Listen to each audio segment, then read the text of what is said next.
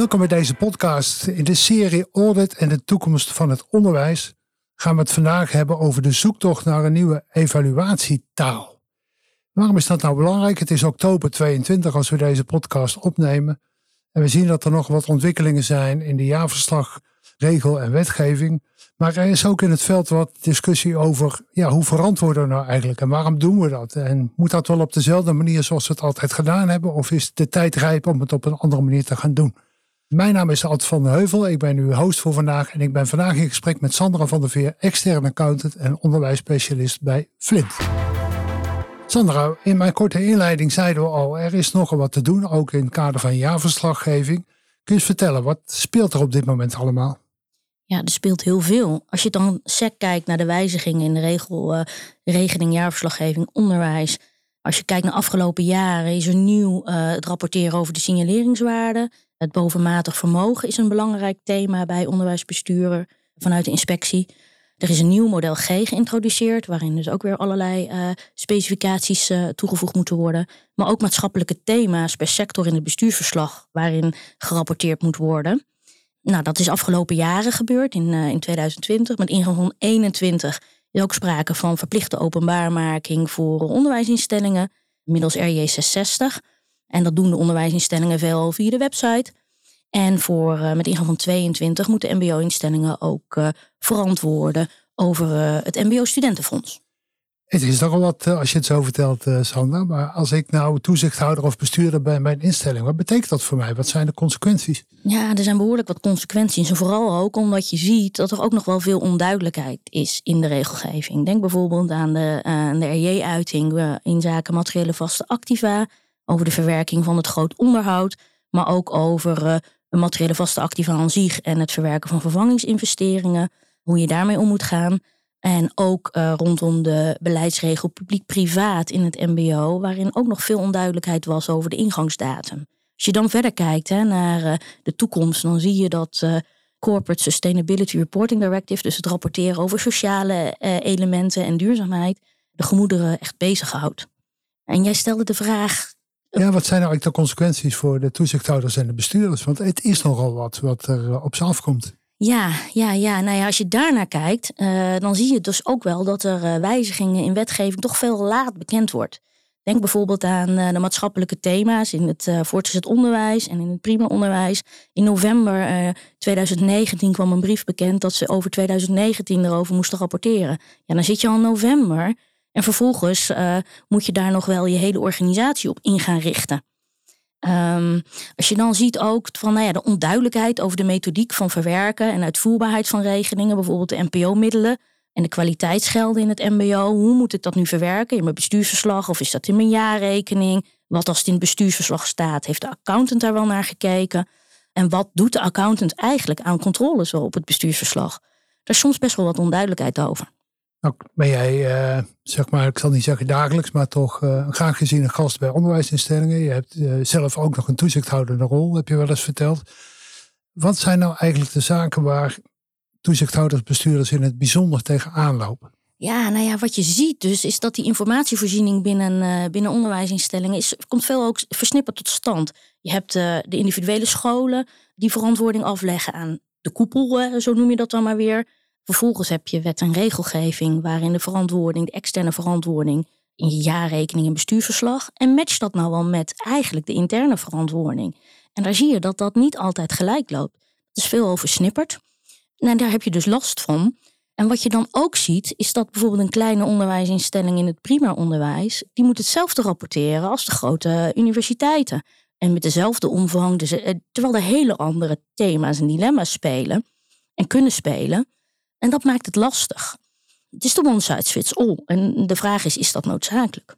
Want hoe ga jij er vanuit jouw rol mee om? Want ik kan me inderdaad voorstellen, een universiteit is anders dan een, uh, een eenmansschool bij wijze van spreken. Hoe, hoe doe je dat vanuit jouw uh, accountantsrol? Ja, ja, en dat is tegelijkertijd ook wel een dilemma. Want wij moeten natuurlijk toezien op dat alle besturen doen wat ze moeten doen. En uh, het geld rechtmatig is besteed. Want dat is de publieke taak. Onze taak, maatschappelijke taak, is om ook dat die informatievoorziening betrouwbaar is. Dus dat, dat, uh, dat als het naar OCMW gaat of als het gepubliceerd wordt op de website, dat wat er staat, dat dat juist is en dat het volledig is en dat er geen hiaten in zitten. Ja, en dan zit je, zit je toch met het one size fits all principe, waarin wel aangegeven wordt, je moet rapporteren. Nou, wat wij doen is uh, checklists ook uh, ter beschikking stellen, zodat je in ieder geval weet wat geldt er nu aan specifieke regelgeving in een PO-instelling of in een, bij een universiteit. Maar we kijken ook mee met die besturen, wat is er al in de organisatie? Wat, wat, wat doen ze zelf al aan informatievoorziening en kan je dat koppelen aan datgene waarover je verantwoording af moet leggen?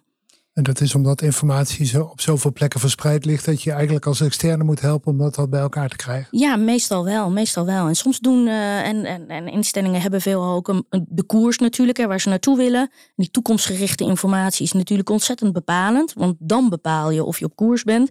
En, en dan zie je ook dat ze terugkijken en denken, ja, maar ja, dat is een half jaar na dato, dat is alweer achterhaald. Ik wil bezig zijn met de toekomst. Terwijl die uh, verantwoordingsinformatie als je waar je verantwoording over aflegt, zo cruciaal is om die koers te kunnen bepalen. Ik was, uh, in de gelukkige omstandigheid dat ik vorige maand bij jullie onderwijsseminar mocht zijn. En ja, daar kwam ik toch nog wel wat bestuurders en toezichthouders tegen die zeiden van ik ben eigenlijk een beetje verantwoordingsmoe. Het is zoveel, het is ingewikkeld, ik ben er moe van. Herken jij dat?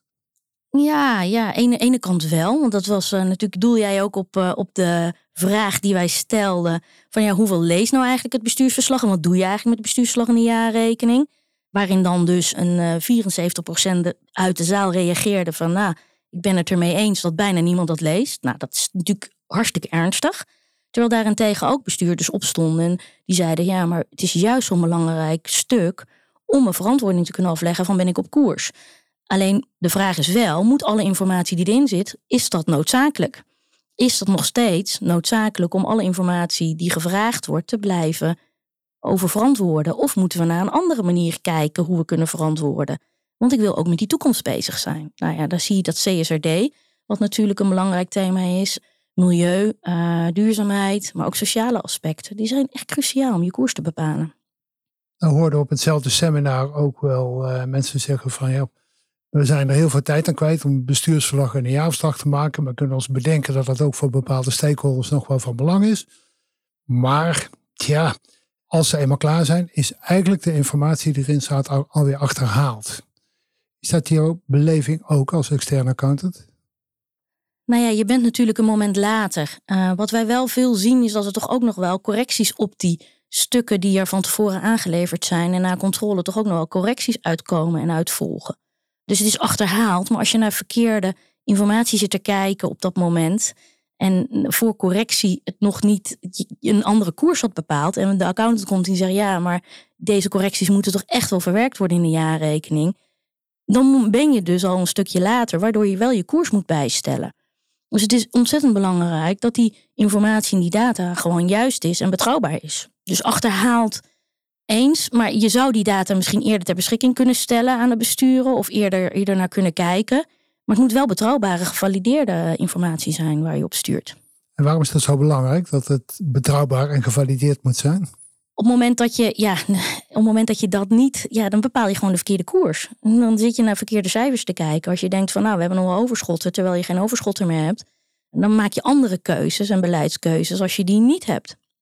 Je zei uh, straks ook, nou, uh, kijk, dit jaarverslag heeft toch een aantal uh, stakeholders. Nou, daar wordt misschien verschillend over gedacht. Maar als jij nou zou moeten zeggen, wat zijn nou de belangrijkste stakeholders die we hebben voor een, voor een jaarverslag? Wie zijn dat? Ja, nou ja, ja, dat is natuurlijk. En het, ministerie voor wie het jaarverslag voor het onderwijs, ministerie van Onderwijs, waar je, waar je natuurlijk verantwoording over legt.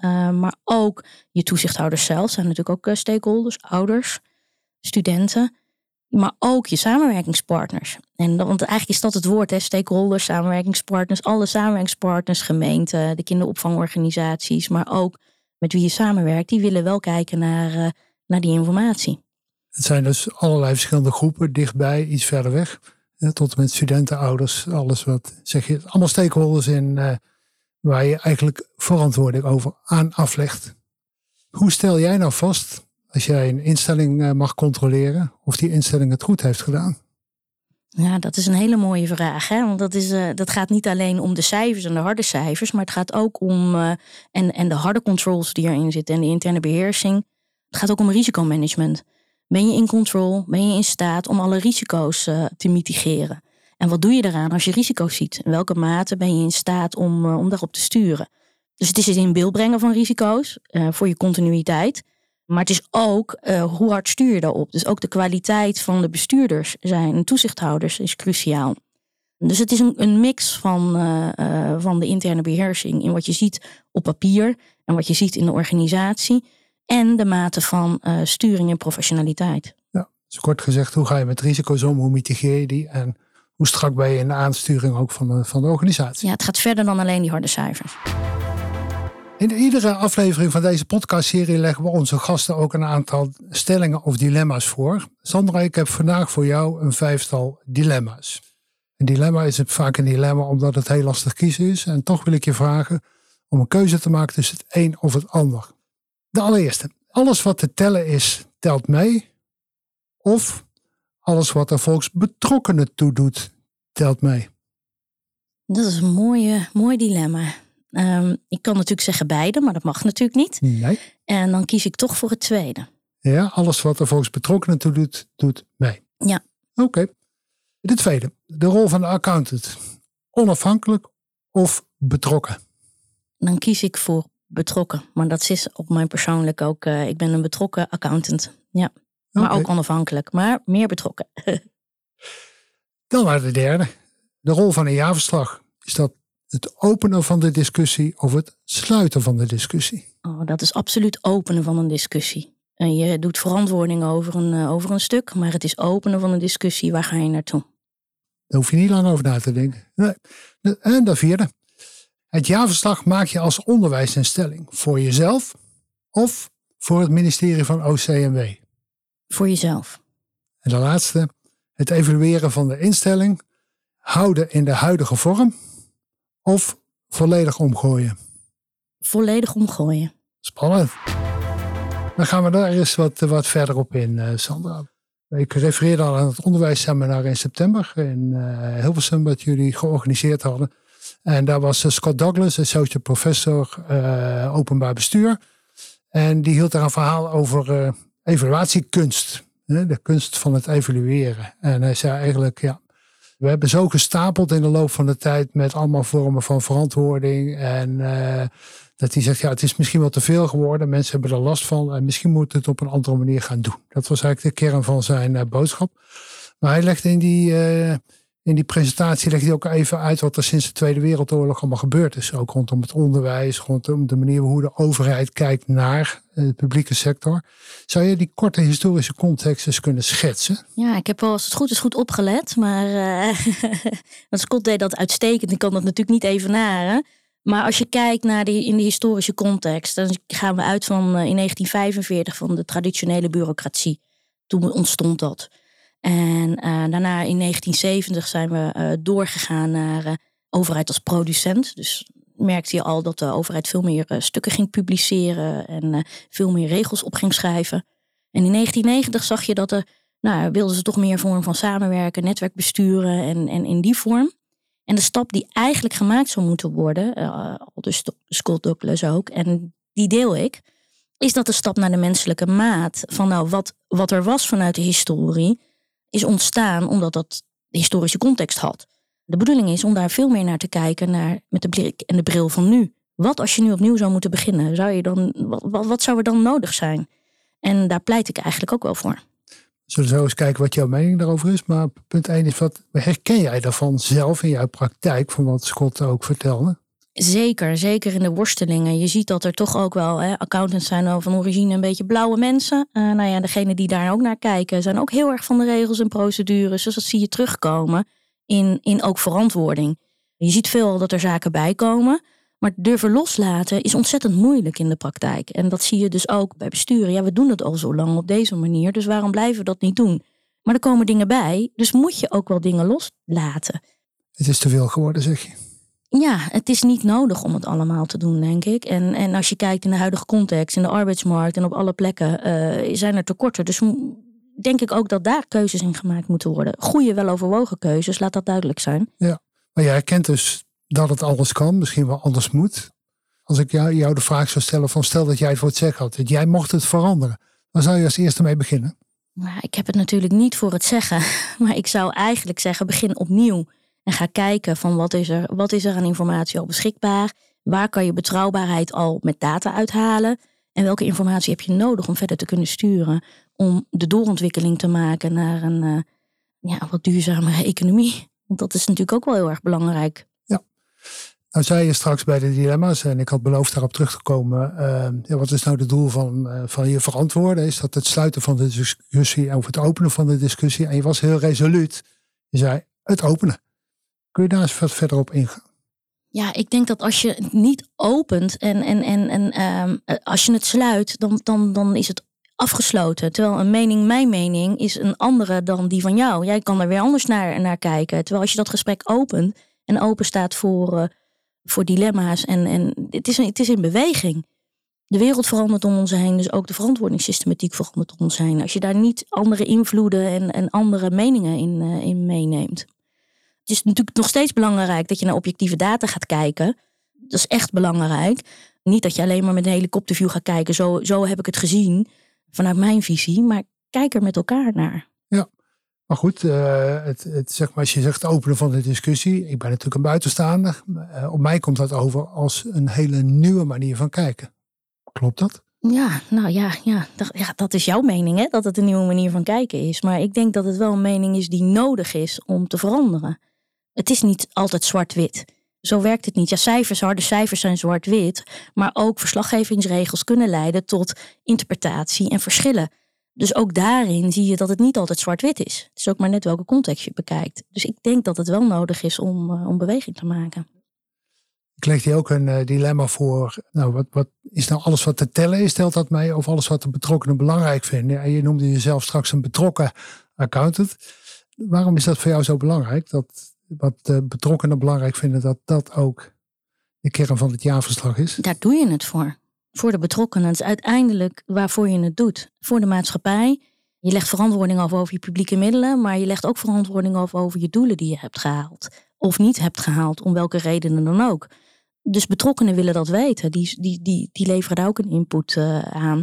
En ik vind het belangrijk om een betrokken accountant te zijn. Ik was laatst ook bij een stakeholdersbijeenkomst van een uh, PO-bestuur en kinderopvangbestuur, worden wij gevraagd om in ieder geval mee te denken over die dilemma's uh, en de koers. En dat is natuurlijk heel mooi om zo betrokken te kunnen zijn. Wij kijken er met een andere bril naar als accountant dan als een, uh, een onderwijsbestuurder er naar kijkt. En het is gewoon heel goed om dat samen te laten komen. Dus niet alleen maar de, de strenge mevrouw van de cijfertjes, maar vooral het aangaan van de discussie naar aanleiding van. Ja, maar wat fout is, is fout. Laat dat ook duidelijk zijn. En dat moet gecorrigeerd worden. Zo zitten wij ook in elkaar. Wat niet goed is, is fout. En dat moet gecorrigeerd worden.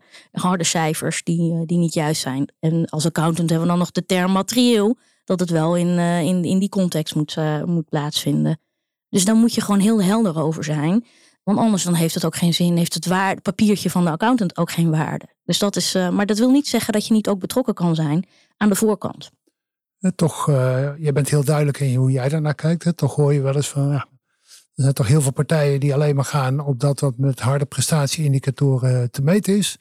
En alles wat misschien kwalitatief heel erg belangrijk is, waarvan je als mens tot mens zou zeggen, nou jullie zijn heel goed bezig in de instelling, maar dat, komt niet, dat is niet hard te meten met de prestatieindicatoren, dat valt dan ook weg. Of soms krijgen ze zelfs nog eens een tik op de vingers daarvoor. Hoe gaan we daar dan mee om? Want dat lijkt me een aardig dilemma.